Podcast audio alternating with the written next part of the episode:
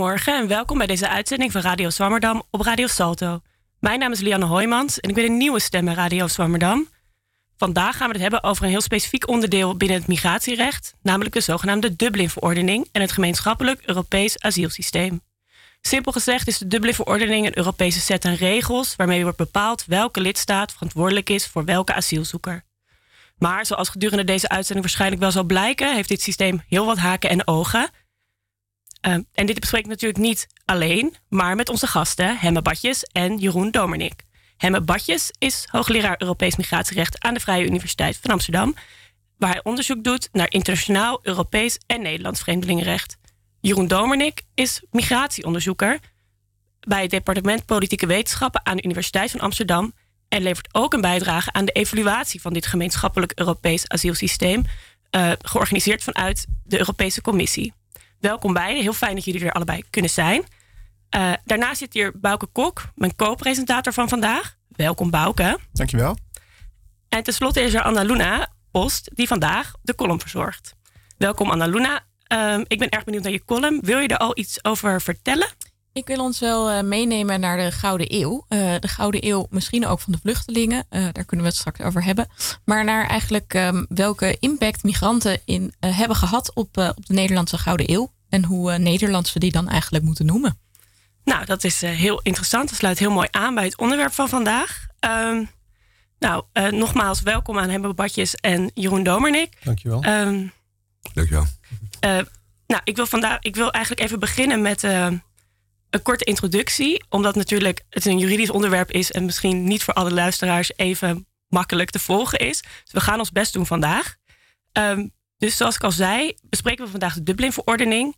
En terwijl de meeste mensen bij Dublin denken aan de hoofdstad van Ierland, hebben asielzoekers in Europa en mensen die werken binnen, het, uh, asiel, binnen de asielpraktijk hele andere connotaties bij het woord Dublin. Dus er bestaat een hele wereld aan zogenaamde Dubliners, Dublin-claims en Dublin-overdrachten. En daarover gaan we er dus vandaag hebben.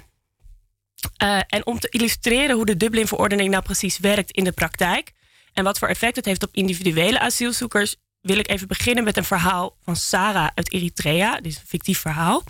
Um, als voorbeeld. En misschien is het leuk als we gedurende de uitzending ook kunnen terugkomen op Sarah en haar vluchtverhaal. Nou, Sarah is afkomstig uit Eritrea. Ze vlucht uit Eritrea omdat daar een levenslange dienstplicht bestaat. Ze wil naar Nederland omdat daar een neef van haar woont en ze heeft gehoord dat het daar wel goed is. Ze reist door verschillende Noord-Afrikaanse landen en steekt met een bootje de Middellandse Zee over naar Italië. Daar komt ze terecht in een Italiaans vluchtelingenkamp en de Italiaanse vreemdelingenpolitie neemt haar vingerafdrukken af. Na een paar dagen reist ze door naar Nederland waar ze asiel aanvraagt. Dan hoort Sarah van Nederland dat haar asielaanvraag niet in behandeling wordt genomen en dat zij terug moet naar Italië op grond van de Dublin-verordening. Nou, meneer Bartjes, uh, u doet onder andere onderzoek naar Europees asielrecht. Kunt u uitleggen wat die Dublin-verordening inhoudt en waarom Sarah terug moet naar Italië? Ja, de Dublin-verordening is een Europese wet, een wet van de Europese Unie. En die bepaalt welk asielverzoek door welke lidstaat behandeld moet worden. En daar staan er twee soorten regels in. Ten eerste zijn de criteria welke lidstaat verantwoordelijk is. En die komen op het volgende neer.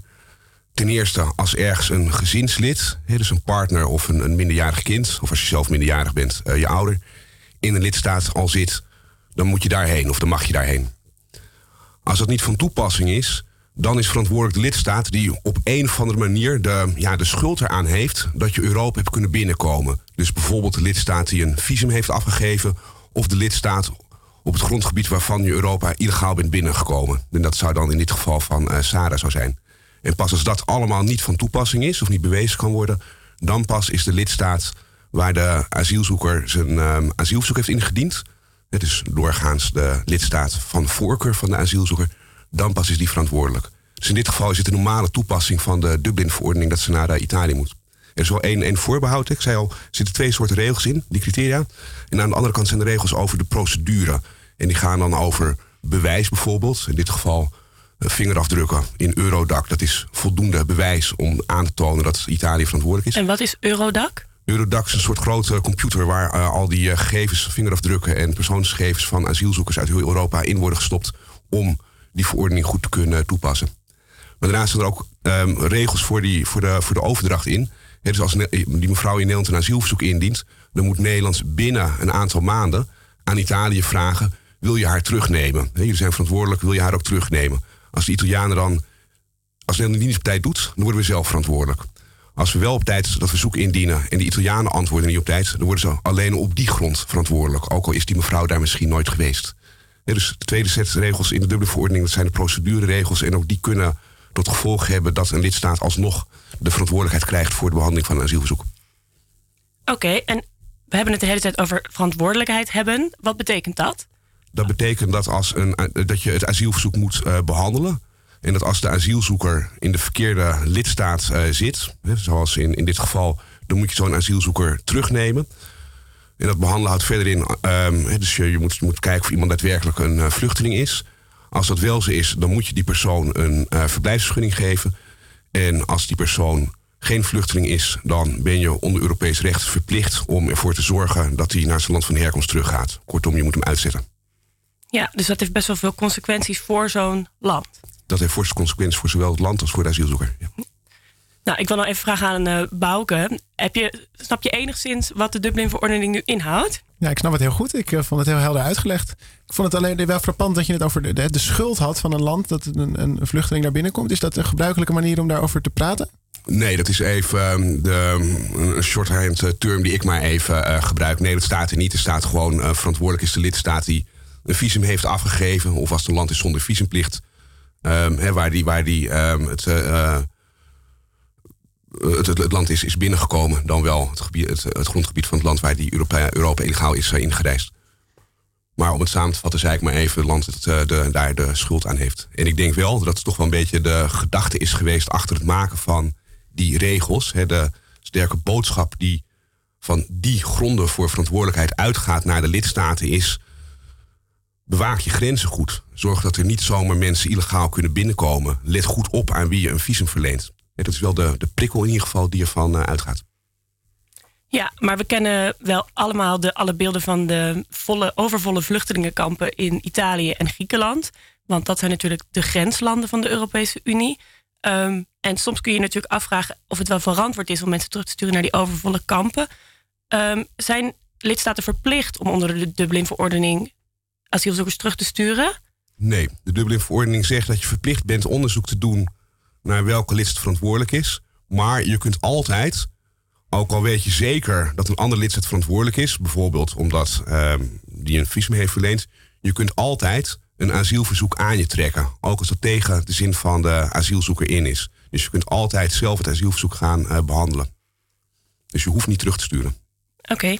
En uh, dus we zien, even om het kort samen te vatten, er is dus een soort van systeem waarbij uh, er bepaalde landen in de Europese Unie dus wel veel meer verantwoordelijkheid moeten dragen dan andere landen. Klopt dat? Ja, het systeem is er niet op gebouwd dat iedereen evenredig aandeel krijgt in het totaal aantal asielverzoeken dat in Europa wordt ingediend. Het systeem is, is zo opgezet dat landen waar veel asielzoekers illegaal binnenkomen, ja, inderdaad veel meer uh, verantwoordelijkheid krijgen toebedeeld dan uh, landen die nou, wat meer aan de grens zitten. Of, wat, wat, wat, wat verder weg van die buitengrens zitten, zoals Nederland. Ja. Ja, want we gaan het geloof ik ook zo nog over de politieke context hebben. Maar is dit dan ook echt iets wat heel erg is opgedrongen door soort van noordwestelijke lidstaten aan de, aan de meer zuidelijke lidstaten? Of is dat, is dat niet aan de orde geweest zo? Nou, ik denk dat uh, Jeroen hier, hier meer van weet dan, dan ik. Maar het, het systeem, het heet de Dublin-verordening. Dat komt omdat het een, de opvolger is van een verdrag...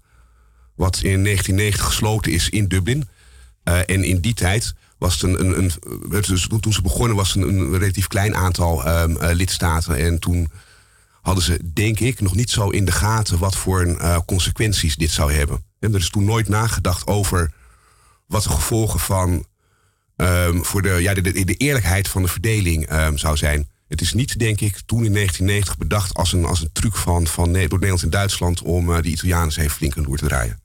Hm. Nou, dat is misschien een mooi bruggetje naar uh, meneer Domernik. U bent geen juridisch wetenschapper, maar u doet dus onderzoek naar het beleid en de sociale realiteit van uh, migratie. Um, nou ja, we hebben al min of meer. Misschien kunt u iets vertellen over uh, waarom de Dublin-verordening er ooit is gekomen. En of het dus, zoals Bouke zegt, uh, een soort truc is geweest van de noordelijke lidstaten. Nee, ik geloof ook niet dat het een truc is geweest. Maar het waren ook heel andere tijden. 1990 was net na de val van de muur. Dus er was een hele interessante dynamiek gaande in, in, in Europa. Uh, discussies over of dan die, uh, die landen die bij, bij, bij het Oostblok gehoord hadden, of die misschien dan uiteindelijk bij de Europese Unie zouden kunnen komen. Um, was aan de orde. Asielzoek. Er kwamen ook wel wat asielzoekers op dat moment uit Oost-Europa richting het Westen. Europa was dan ook nog veel kleiner, de Europese Unie. Uh, dus dat waren andere, andere tijden, andere verhalen die daarbij een rol gespeeld hebben. Um, en het interessante is ook dat je ziet dat in 92, toen de eerste echte asielcrisis uh, over Europa kwam, uh, toen hebben 700.000 mensen asiel aangevraagd in, in, in wat toen de Europese Unie was. En het leeuwendeel daarvan, twee derde ongeveer, een kleine half miljoen in Duitsland. Uh, want Duitsland was toen een grensland, zal ik mm. maar zeggen. En, en um, Duitsland raakte toen zeker zoveel in paniek als, uh, als, als, als wij collectief in 2015 in paniek raakten. Uh, en moest toen iets bedenken. Want het was ook een land wat op dat moment sowieso niet alleen heel veel asielzoekers kreeg, maar ook te maken had met uh, de, de, de Wiedervereinigung. Mm -hmm. Van de Oost- en, en West kwamen bij elkaar, wat ook heel veel interne migratie van Oost-Duitsers naar West-Duitsland met zich meebracht. Een paar miljoen in, in, in, een tijdsbestek van een paar jaar. En ook nog een keertje uh, 150 tot 200.000 Aussiedler die uit Rusland kwamen, die Duits staatsburger waren door, door, door merkwaardige werking van de Duitse grondwet. Die kwamen kwam ook allemaal in Duitsland wonen. Dus het waren drukke tijden, zal ik maar zeggen. En uh, dus Duitsland raakte in paniek, regering raakte in paniek. En toen werd bedacht, hoe lossen we dit op? En, uh, want in de Duitse grondwet, artikel 16, daar staat heel simpel, genereus, van politiek vervolgde je niet asiel. Punt. Dat is nog veel explicieter dan, dan het verdrag van Genève dat, uh, dat stipuleert.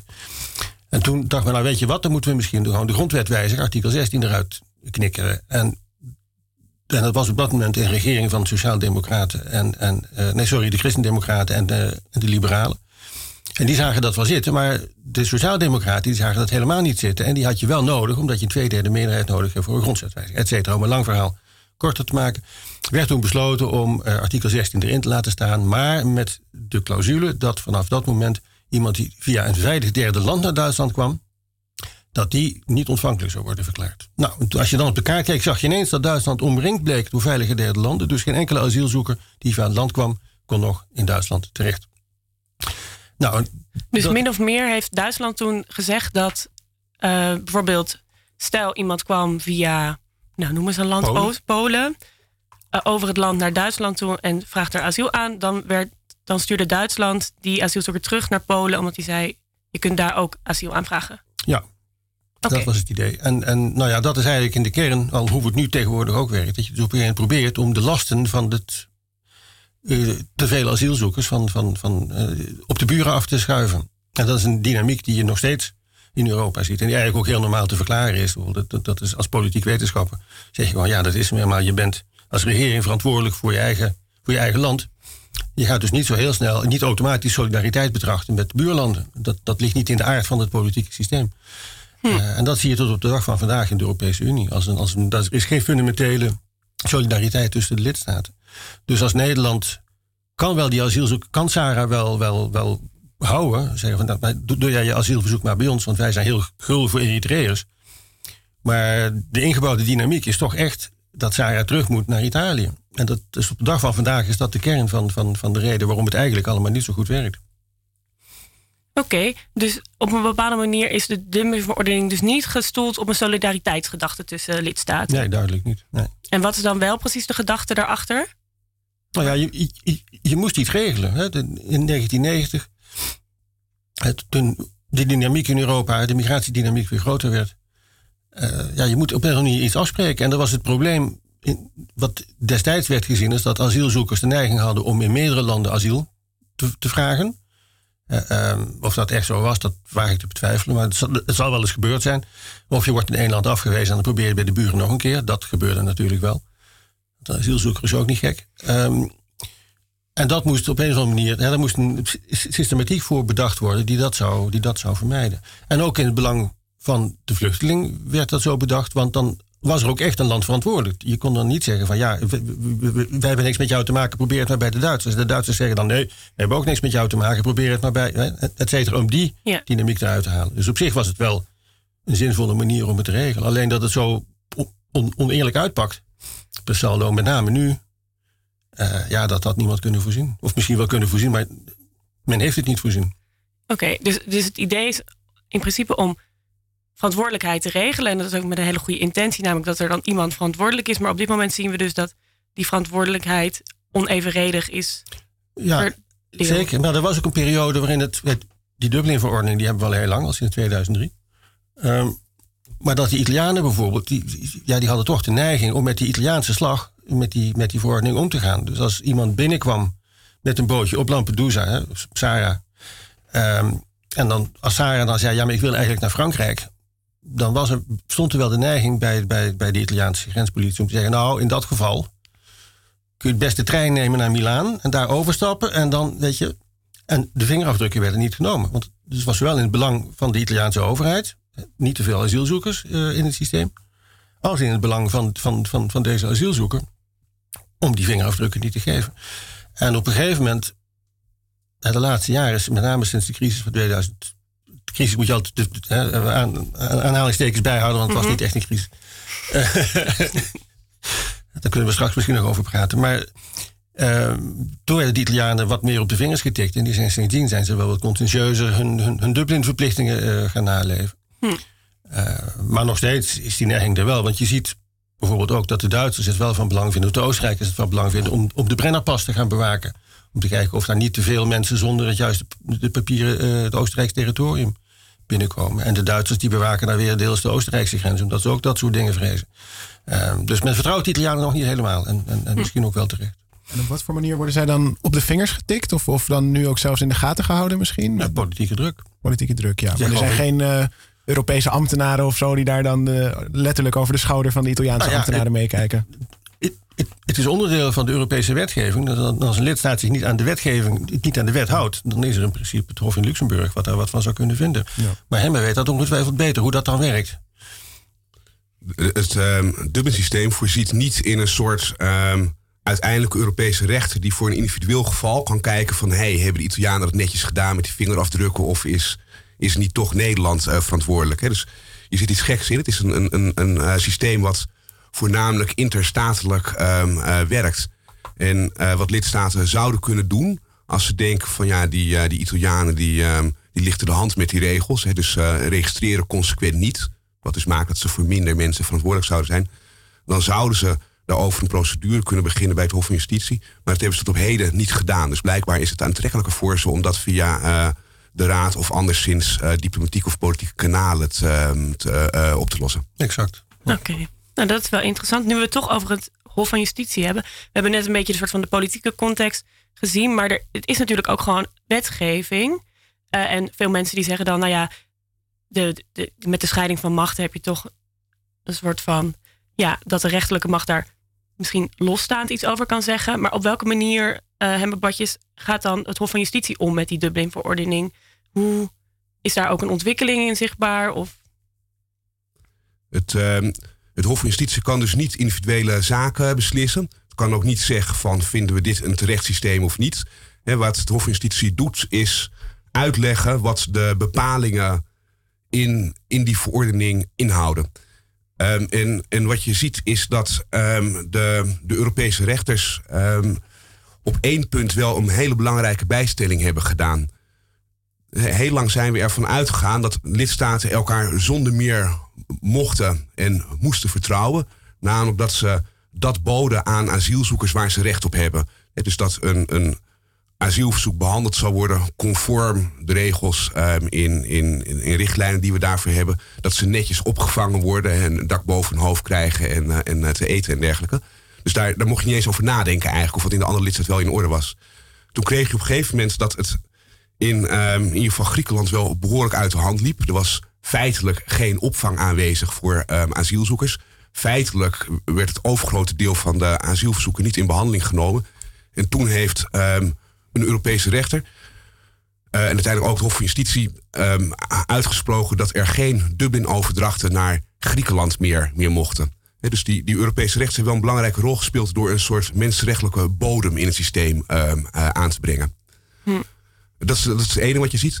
Aan de andere kant uh, zie je dat um, het Hof van Justitie in de uitspraken die ze hebben gedaan van de laatste jaren, denk ik dat, het, dat die de facto um, voordeliger zijn geweest voor de noordwestelijke lidstaten dan voor de lidstaten aan de, aan de grens. Dus er is een heel aantal uitspraken geweest die ja, het gevolg hadden dat het, waar steeds de nadruk werd gelegd op het, het moet snel, het, het, het, het, moet um, efficiënt. En ja, die regels zijn zo uitgelegd dat het uh, uiteindelijk voordeliger uitpakt voor, uh, voor um, landen als Nederland dan landen als Italië. En op welke manier dan? Kun je een voorbeeld noemen? Ja, ik kan een voorbeeld noemen. Tijdens de um, crisis van 2015-16, die ik dus hierbij tussen aanhalingstekens um, zet. Toen had je de situatie dat veel uh, Syriërs, Irakezen en, dergelijke, die kwamen via de Balkanroute binnen. Dus kwamen dan bijvoorbeeld binnen via Griekenland en reisden dan door. En dan via Servië of zo kwamen ze dan alsnog, uh, weet ik veel, uh, Kroatië binnen. Vaak wilden ze dan doorreizen naar Oostenrijk of Duitsland of Nederland. En wat je dan wel zag, was dat die Kroatische grenswachten... die zetten gewoon de deuren wagenwijd open... en geleiden ze door richting de Sloveense grens. Soms werden ze zelfs met bussen... Ja, dus op die, die dan dus gestuurd werden door uh, de grensbewaking van Kroatië... doorgestuurd.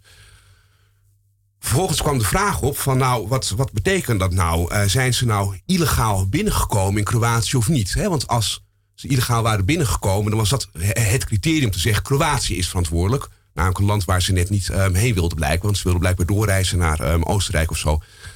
Het Hof van Justitie heeft toen gezegd van um, ja, ze zijn daar illegaal binnengekomen, want ze voldeden niet aan de, aan de eisen voor toegang. Daar kun je je vraagtekens bij zetten. Als een grenswacht zegt: prima, komt u maar binnen, loopt u maar door, weet u wat, ik regel even vervoer voor u is dat illegale binnenkomst? Daar kun je heel anders over denken. En overigens deed de advocaat-generaal bij het Hof, dat is een van de belangrijke juristen die, die, die ze advies geeft van hoe moeten we hiermee omgaan, die vond ook dat um, dit geen illegale binnenkomst was, maar legale binnenkomst. En maar daar was eigenlijk een, een gelegenheid voor het Hof van Justitie om een, een klein beetje evenwicht te brengen in dat systeem. Dus om die, die verantwoordelijkheid een beetje weg te nemen van die grensstaat, wat Kroatië in dit geval was, naar die staten wat, wat verderop in de lijn.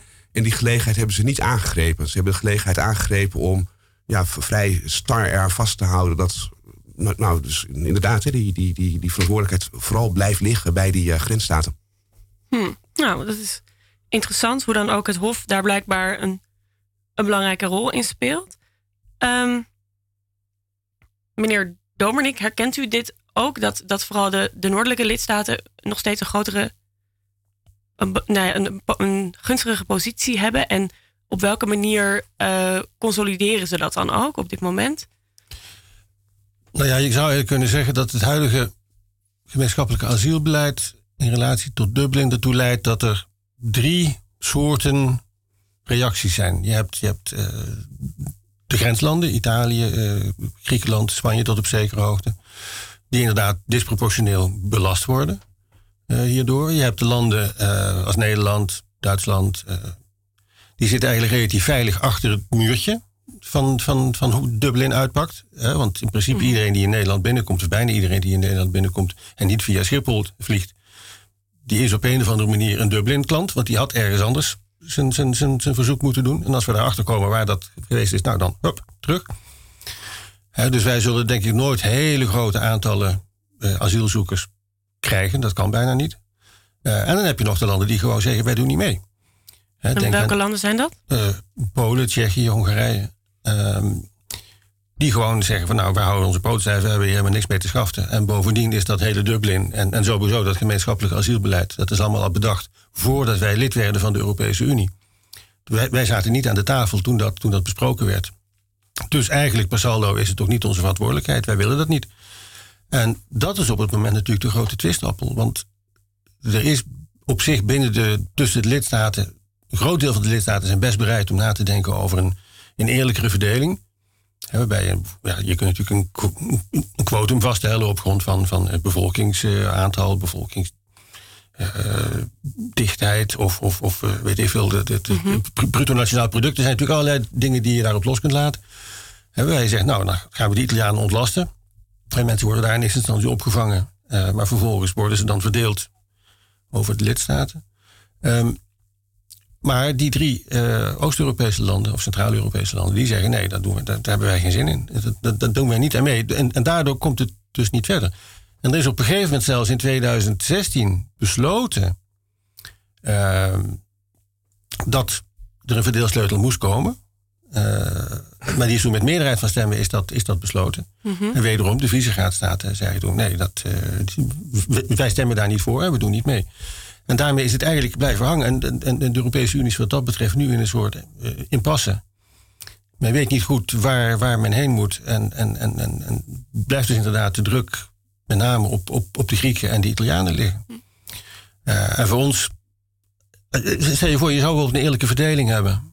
Nederland is 18 miljoen mensen op een totaalbevolking van een half miljard.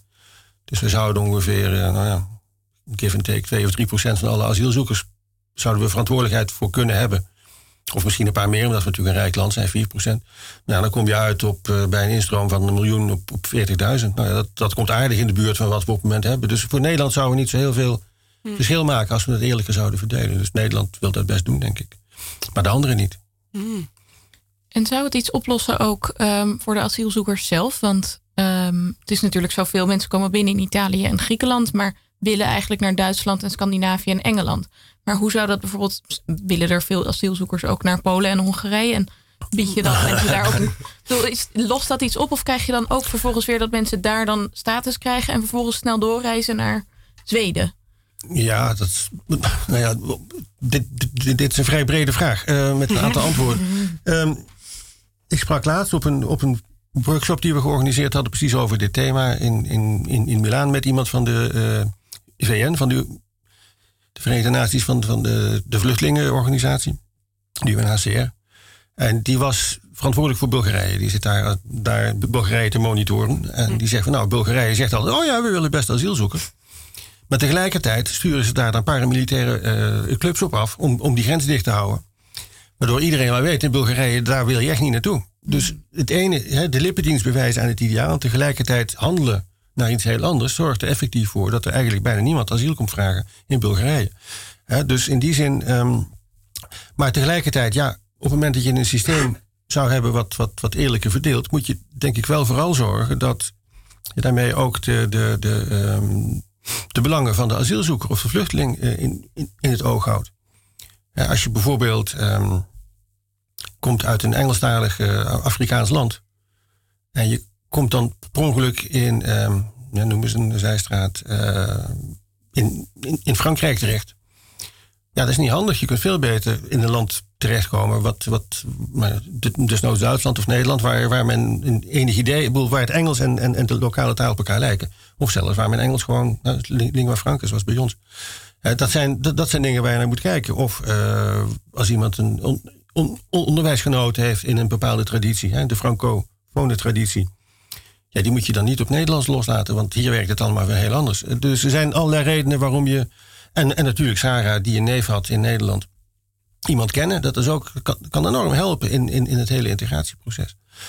Dus er zijn nog heel veel slagen te maken als je een efficiënter systeem zou willen maken. En als je dat wil, als die solidariteit binnen de Unie wel te zou zijn, dan kan er heel veel meer. En kan het ook allemaal veel efficiënter en effectiever. Want uh, als je bijvoorbeeld ervoor kunt zorgen dat, dat het het menselijk kapitaal dat, dat zich in de persoon van de asielzoeker bevindt. Mhm. als, dat, als dat zo goed mogelijk behouden kan blijven en dat je daar niet enorme frictie in bouwt, door bijvoorbeeld dat je een inburgeringsverplichting hebt.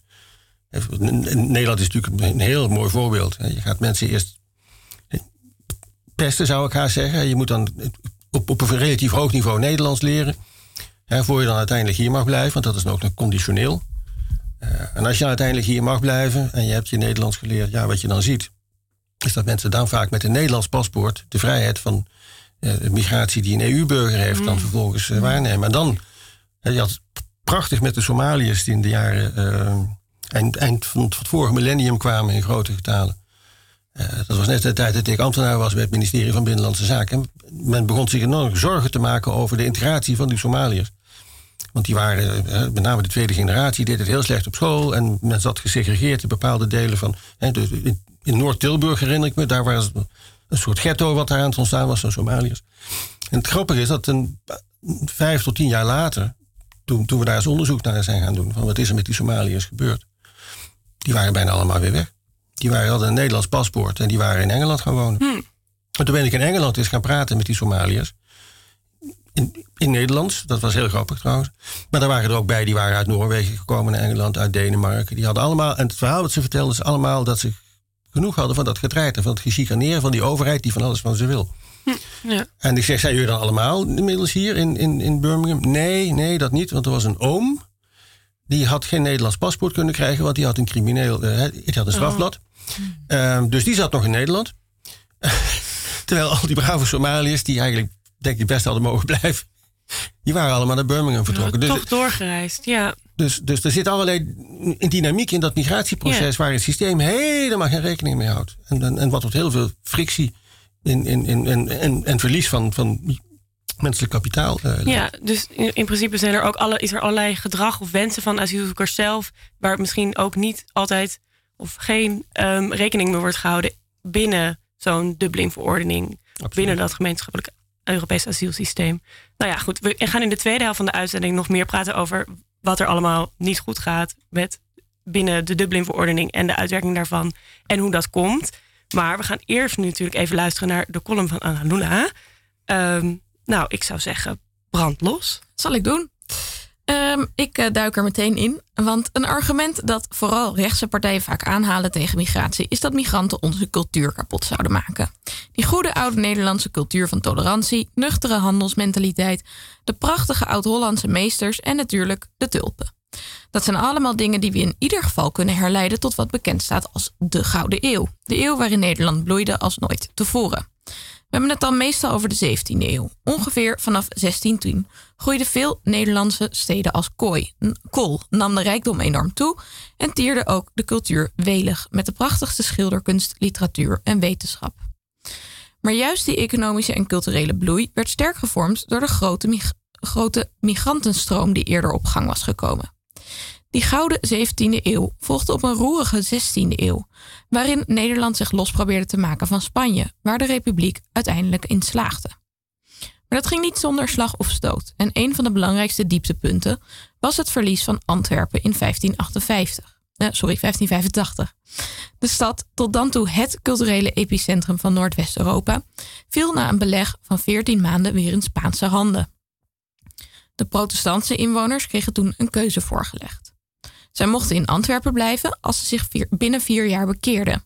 En anders mochten ze de stad verlaten en hun goederen meenemen. Ruim de helft van de inwoners kozen voor het laatste. En van de 40.000 migranten die de stad ontvluchtten, vestigde een groot deel zich in de provincies Zeeland en Holland. Onder deze groep migranten waren de ouders van Caspar Barlees, naar wie de Amsterdamse Van Baarlestraat vernoemd is, en ook het Barlees Gymnasium, vlak naast het Leidseplein. Zij vluchtten in 1585 naar Zaltbommel, waar Barlees vader rector werd van de Latijnse school en daarna ging Barlees ook daar eh, studeren. Eerst ook aan de Latijnse school en daarna aan het Statencollege, waar armere studenten de kans kregen om theologie te studeren. Hij werd predikant en hoogleraar aan de Universiteit Leiden, maar oes- moest in 1619 beide functies neerleggen. Barlees had namelijk de verkeerde kant gekozen in een religieus conflict tussen de verschillende protestantse groepen. En de typische Hollandse tolerantie, waar nu zo vaak mee gedweept werd, maar die vaak net niet beoefend wordt door degene die hem preken, had ook al toen zijn grenzen. Maar toch, na een onstuimige carrière met een heleboel downs, werd Barlees in 1632 uiteindelijk wel benoemd als een van de twee hoogleraren van het nieuw opgerichte Atheneum Illustre in Amsterdam. Een definitieve up, van vluchteling naar hoogleraar binnen 50 jaar. De migranten uit Antwerpen betekenden ook op andere vlakken een enorme impuls voor de lokale economie en cultuur in de republiek. De zuidelijke immigranten hadden bijvoorbeeld al een enorme voorliefde voor landschapsschilderijen. En daarom hadden veel schilders zich gespecialiseerd in die specifieke kunstvorm. Zowel die voorliefde als de specialisatie waaide vervolgens over naar het noorden. En nu zien we de 17e eeuwse landschapsschilderijen met hun grijze luchten als typisch Hollands. Nou, die tulpen dan, die komen uit Turkije. Dan blijft van ons eerste rijtje de typisch Nederlandse handelsmentaliteit over. Die leidde naast de uitbuiting van vele overzeese gebieden en volkeren in de 17e eeuw ook tot een flinke crisis, toen de e- enorme speculatie met tulpenbollen leidde tot een enorme economische bubbel. Dus Welk van deze typisch Nederlandse dingen zijn nou typisch Nederlandse dingen die wij willen bewaren? En welk van die typisch Nederlandse dingen zijn dingen die helemaal niet zo typisch Nederlands waren, maar in grote mate gevormd zijn door ook interacties met andere volken en andere mensen? Nou, mooi, bedankt Annalena voor je column. Toch wel interessant dat misschien dus ook het hele idee dat migratie of um, asielzoekers iets kunnen bijdragen aan de Europese of Nederlandse cultuur is misschien wel interessant. Ook en op dit moment, ik, ik weet niet, heeft u het gevoel dat die dynamiek of dat idee van dat vluchtelingen ook iets kunnen bijdragen, nog een plaats heeft binnen um, ja, de politieke context van Europa op dit moment? En ik kijk dan even naar meneer Domernik, maar als meneer Badje ook iets over wil zeggen, dan mag dat natuurlijk ook. Nou, dat kunnen we denk ik allemaal wel beantwoorden, die vraag. Uh, het antwoord is nee. Is totaal geen, geen, geen waardering voor wat, wat mensen bij zouden kunnen dragen. Of ook daadwerkelijk bijdragen aan, aan Nederland of, of, aan Europa. er wordt ook heel duidelijk. De, term die altijd gebruikt wordt is burden sharing. zo wordt hier in diplomatische over gesproken, burden sharing. En soms als ze het netjes wil doen, hebben ze het over responsibility sharing. Uh, maar dat iemand zegt van uh, het, het, delen van de voordelen of de kansen die dit biedt. De enige die op die manier praten zijn de Canadezen. Um, en, en, en, misschien de Portugezen. Dat is een uitzondering in het Europese uh, koor. Maar in, in de regel is gewoon, ja, het is een last. En die last willen wij zo klein mogelijk op onze schouders. Dus duwen we het af naar de buren. Ja, ja en daar is dus een Dublin-verordening een heel mooi voorbeeld van. Van hoe zoveel mogelijk die lasten proberen te worden geëxternaliseerd op een nou, bepaalde manier. Ja, ja, je moet natuurlijk wel, de, de eerlijkheid gebied wel te zeggen, dat we natuurlijk naarmate je uh, je opvangsysteem beter organiseert, en in Nederland hebben we het heel goed georganiseerd, um, en je allerlei rechten uh, biedt aan, aan, aan, aan erkende vluchtelingen. In het Nederlands geval zelfs ook, je hebt het recht op huisvesting, uh, sociale huisvesting. Um, dat gaat natuurlijk erg ver. Dus in die zin is het, het, kost het wel geld. Maar tegelijkertijd moet je niet alleen maar die kaart spelen. Je moet zeggen, ja, maar hoe zorgen we ervoor dat we ook weer wat van dat geld terugkrijgen? Door inderdaad mensen de kans te geven zo goed mogelijk zich te ontplooien. En dat doe je niet door, door, door, door mensen in allerlei inburgeringsverplichtingen uh, lastig te vallen, is mijn inschatting. Nee, dat, uh, dat, dat kan zomaar eens het geval zijn. Um, laten we dan nu even doorgaan met verder uitdiepen waarom die Dublin-verordening dus niet werkt. Dus u heeft net al gezegd, er, uh, er zijn verschillen in de manier waarop bijvoorbeeld wordt opgevangen in Europa. Um, maar ik wil eigenlijk eerst nog even aan meneer Badjes vragen. Dat we hebben dus gezien dat verschillende landen in de Europese Unie andere belangen hebben. Maar ik vroeg me af, op welke manier gebruiken ze dan? Want in het voorgesprek heeft u aangegeven dat er een soort Dublin game bestaat, waarbij de verschillende lidstaten verschillende regels op een bepaalde manier gebruiken of misbruiken om hun eigen belang te dienen. Zou u daar iets meer over kunnen vertellen? Ja, ik, uh, ik geef ook les over uh, Dublin. En Dublin is ongelooflijk technisch en complex. Studenten vinden dat vaak heel saai. In een poging om wat leuker te maken, geef ik het vaak in de vorm van uh, de Dublin Game. Namelijk het vinden van trucs om regeltjes en bepalingen uit die verordeningen, wat ermee samenhangt, zo in te zetten dat het jouw belang kan dienen. En dat geldt niet alleen voor uh, lidstaten, groepen lidstaten, het geldt ook voor um, asielzoekers die dat net zo goed uh, doen. Hè. Dus dat, dat, spelen met bijvoorbeeld die um, termijnen voor overdracht en dergelijke, daar maken ze, um, daar maken ze goed, goed gebruik van. Dat is het Dublinspel. En, en kunt u misschien uitleggen, die termijn voor overdrachten, hoe dat dan in zijn werk gaat? Wat, wat kan een asielzoeker zeg maar, doen om gebruik te maken van die regels? Nou, een, uh, als één keer is vastgesteld een ander lidstaat verantwoordelijk is, hè, dus in het geval van die Eritrese mevrouw um, Sarah uh, Italië, um, dan, dan kan ze daartegen in beroep. En als ze dat uh, verliest, dan, dan is dat zeker. Dan moet ook binnen een bepaalde termijn, normaliter uh, zes maanden, moet die overdracht plaatsvinden. En die termijn kan dan nog eens met uh, 12 maanden verlengd worden. Dus tot in totaal anderhalf jaar als um, met onbekende bestemmingen even uh, vertrekt. Na die 18 maanden vervalt de verantwoordelijkheid van Italië en begint het spel weer opnieuw. Dus die, dat, dat het onderduiken voor een termijn van, van, van 18 maanden. Waarbij onderduiken gewoon betekent je ja, een beetje onvindbaar houden voor de, voor de vreemdelingenpolitie. Daarmee kun je afdwingen dat er opnieuw gekeken gaat worden naar uh, welke list is uh, verantwoordelijk. Oké, okay, dus stel uh, Sarah reist naar Nederland en duikt dan 18 maanden onder. Dan zou zij dus misschien niet teruggestuurd worden naar Italië. Nou, ze moet wel eerst die, uh, die, die asielaanvraag hebben gedaan en, en haar beroep hebben verloren. Ja. Dat wel. Maar daarna dan. Dus op die manier kan dan ook een asielzoeker gebruik maken van die regels. Maar mag ik even vragen? Ja, natuurlijk. Dus dan zou in principe ook weer opnieuw vastgesteld kunnen worden dat Italië verantwoordelijk is. Uh, in theorie wel. Maar de Dublin-verordening zegt wat betreft specifiek die verantwoordelijkheid op de grond dat je illegaal bent ingereisd via het grondgebied. Die verantwoordelijkheid vervalt als je twaalf maanden ergens anders hebt gezeten. En dat, dat is wel waarschijnlijk in zo'n geval. Hè, als uh, eerst hier die asielaanvraag heeft uh, ingediend, dan weer uh, opduikt na, die, na die 18 maanden. Juist. Ja, en als we nu even doorgaan met, het, met, met zeg maar de, de intentie van Sarah. Zij wil dus graag naar Nederland. Stel, ze gaat wel terug naar Italië, zoals Nederland um, zeg maar, opgedragen heeft. En ze wordt overgedragen. En ze doet daar haar uh, asielverzoek indienen. En ze loopt, doorloopt een asielprocedure. Ze krijgt een Italiaanse verblijfsvergunning. Kan ze dan direct naar Nederland reizen of kan dat eigenlijk niet? Nee, dan kan ze niet direct naar Nederland uh, reizen. De vreemdelingen, dus, dus niet-Europeanen, hebben geen recht van vrije vestiging in een andere lidstaat zoals um, wij Europeanen dat wel hebben.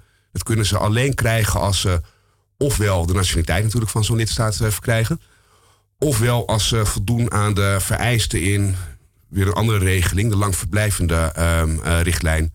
Alleen daar zijn wel forse eisen. Hè? Dus um, er kunnen inburgeringseisen gesteld worden, hè, waar Jeroen het net over had. Uh, je moet minstens vijf jaar legaal ergens hebben gezeten. En vooral, je moet voldoen aan een forse inkomenseis. En veel, ja, zeg maar, eerste generatie uh, vluchtelingen, hè, de, de, de, ouders van Caspar uh, Barlees, Um, die, die zullen moeite hebben om binnen zo'n relatief korte termijn aan die, aan die inkomensvereisten te voldoen. Dus nee, het is, het is niet zo dat ze, als ze één keer die vergunning heeft, dan alsnog de trein in Nederland kan nemen en zich hier in, in Amsterdam kan vestigen. Oké, okay, dat is duidelijk. Maar um, mensen kiezen er natuurlijk soms wel voor wanneer ze een vergunning hebben om alsnog door te reizen. Ja. En dat noemen we dan de, de post-Dublin-bewegingen. Dat betekent dat Dublin is dan bedoeld als een soort van verantwoordelijkheid vaststellen, maar uiteindelijk lijkt het er dan op dat als een asielzoeker ergens naartoe wil, dat hij toch gaat. Dat komt uh, voor. We hebben veel van die, van die uh, zaken gehad. Uh, dat ehm, lijkt me overigens ook normaal. Als je een, een, een verbod ergens op instelt, dan creëer je daarmee de overtreding. Als je alcohol verbiedt, dan creëer je, nou, eh, alles wat we hebben gezien, de drooglegging in, in, Amerika. En zo ook zo'n Dublin-systeem wat eraan vasthangt. Als je zegt, jij, jij moet naar die lidstaten. Nou, naar, naar die specifieke lidstaat. Ja, je, je, krijgt een druk op het systeem dat mensen iets anders willen. Uh, wat we vooral hebben gezien de laatste jaren is dat, um, of wat ik in ieder geval in, in Nederlandse en, en Duitse uh, rechtspraak heb gezien, is dat um, asielzoekers die in landen als Italië, Griekenland of Bulgarije erkend zijn als vluchteling en ook daar netjes een verblijfsvergunning kregen, um, dat die hier alsnog aanklopten en zeiden van ik vraag opnieuw asiel aan. En de reden is dat ik ver onder het bestaansminimum moet leven in die landen. want er is een, een heel gek ding. Hè. Ik zei net, die, die Europese hoven hebben ervoor gezorgd dat mensenrechtelijke bodem is. Wat betreft bijvoorbeeld nette opvang van asielzoekers in Europa. Dus ze moeten een dak boven hun hoofd krijgen en dergelijke gedurende de procedure. Zodra ze een verblijfsvergunning krijgen, werkt dat anders omdat de Nederlandse staat is ook niet verplicht om jou en mij en iedereen een, een, een dak boven het hoofd te verschaffen. Dat moet je in beginsel zelf doen. dus de rechten die je hebt als uh, statushouder, als iemand met een verblijfsvergunning, is dat je gelijk wordt behandeld met ingezetenen van zo'n lidstaat, of soms als, als vreemdelingen in zo'n lidstaat, wat betreft bijvoorbeeld toegang tot de arbeidsmarkt of tot, tot woonruimte uh, of tot sociale voorzieningen. Mm -hmm. En als je dan de pech hebt in een land te zitten waar um, de, de, de, normen gewoon heel laag liggen, waar bijvoorbeeld gewoon geen bijstand is, ja, dan krijg je ook geen geld. Als je zit in een lidstaat waar feitelijk geen sociale huisvesting is, zoals in Bulgarije, dan heb je dus geen huis. En dan moet je daar proberen ja, je, je, je kostje bij elkaar te scharrelen. Wat, wat niet mee zal vallen, uh, denk ik. Omdat, uh, nou, nog wat Bulgaren die, uh, die zijn juist hierheen gekomen. Omdat het blijkbaar moeilijk is om daar een, een goede boterham te, te, te verdienen.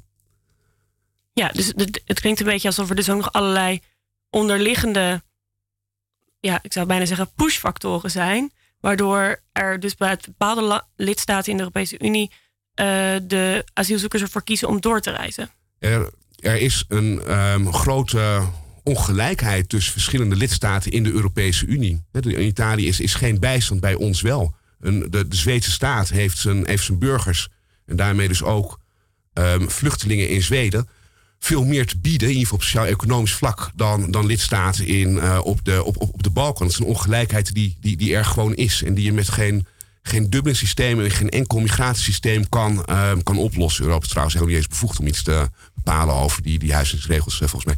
Dus dat, dat is, dat is een, een, een onoplosbaar uh, dilemma. Hm.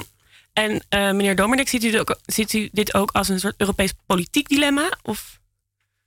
Ja, het is ook een politiek dilemma. Je kunt natuurlijk als doel formuleren dat je die ongelijkheden tussen de lidstaten, dat je die op termijn zou willen reduceren. Um, dat kun je met elkaar afspreken. Er zijn ook, ook, ook grote fondsen uh, beschikbaar voor, voor, voor het, uh, het uh, opbouwen van, van, van achtergebleven gebieden in Europa. Op, op dezelfde manier zou je ook kunnen besluiten dat er bijvoorbeeld een soort Europees minimumbijstandsniveau zou moeten komen op zeker moment. Waar ook vluchtelingen dan op, aanspraak op zouden kunnen maken. Het kan allemaal. Als de politieke wil is, kan er heel veel. Maar die is er dus niet. Ook niet om die, dat niet, eh, zeg maar het normale leefniveau in de Europese Unie op één gelijker niveau te krijgen? Ja, uiteindelijk wel. Uh, ik, ik, zou haast denken dat dat wel ergens in een of ander verdrag een keer in de preambule geformuleerd staat. Um, dat dat het ultieme doel is van, van waarom we met elkaar in Europa samenwerken. Uh, maar specifiek met het idee van hoe we de vluchtelingen beter zouden kunnen behandelen. En, en, en, en ook de, de, de, de incentives voor mensen om binnen Europa door te migreren. Mhm. Eh, nee, dat, daar is dat niet, niet op van toepassing. Oké, dus het is, lijkt er een beetje op dat het onhaalbaar wordt om uh, maar het Europees leefniveau op één niveau te krijgen, zodat mensen niet meer de behoefte hebben om, om heel erg uh, vanuit soort economische motieven door te reizen. Maar zijn er nog andere manieren waarop we de Dublin-verordening bijvoorbeeld kunnen verbeteren? Of uh, andere manieren om ervoor te zorgen dat dit, dit systeem, wat dus, we hebben al nou ja, bijna een uur gepraat over hoe het misschien niet zo goed functioneert, uh, toch nog op een manier aan de praat te krijgen of de, de ergste, de slechtste elementen eruit te halen. Meneer Bartjes, heeft u enige suggestie? Er, er, zijn heel wat dingen te bedenken. Hè? Dus, dus uh, Jeroen noemde net al, je kunt um, meer proberen te verwerken in je, in je criteria. Um, wat, wat is een, een, een veelbelovende lidstaat voor deze uh, vluchteling wat betreft um, ja, kenmerken die aansluiten bij zijn capaciteiten en zijn taalkennis en, en, en de behoeften van die, van die uh, lidstaat. En dus op zekere hoogte zijn er best verbeteringen denkbaar. Je kunt ook doen naar een systeem, dat heeft het, het, het Europese parlement ook, ook, ook voorgesteld, waarbij je afstapt van dat, dat, dat idee dat een lidstaat nou eenmaal een, een, een zware last, of, of ik zeg zelf nou een zware last zeg, uh, meer, meer uh, verantwoordelijkheid zou moeten hebben omdat hij toevallig aan de grens zit en daar veel meer mensen binnenkomen. Dat je radicaal gaat verdelen op grond van inderdaad bijvoorbeeld bevolkingsomvang plus BNP of zo. Dat kan allemaal. Wat je, wat je houdt en um, wat ik niet zo gemakkelijk zie, waar, waar ik zelf geen, geen oplossing voor zie, dat is um, ten eerste die, die ongelijkheid tussen lidstaten.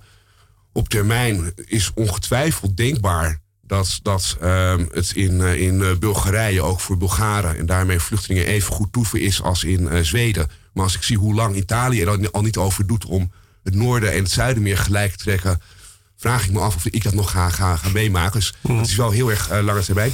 het tweede is dat je een, een spanning houdt Um, tussen aan de ene kant um, zo'n verdelingssysteem, aan de andere kant de wens van de asielzoeker. Als je zegt, wij willen radicale eerlijkheid voor die lidstaten. Dus iedereen krijgt precies zijn, zijn aandeel op grond van bevolkingsomvang en, en BNP.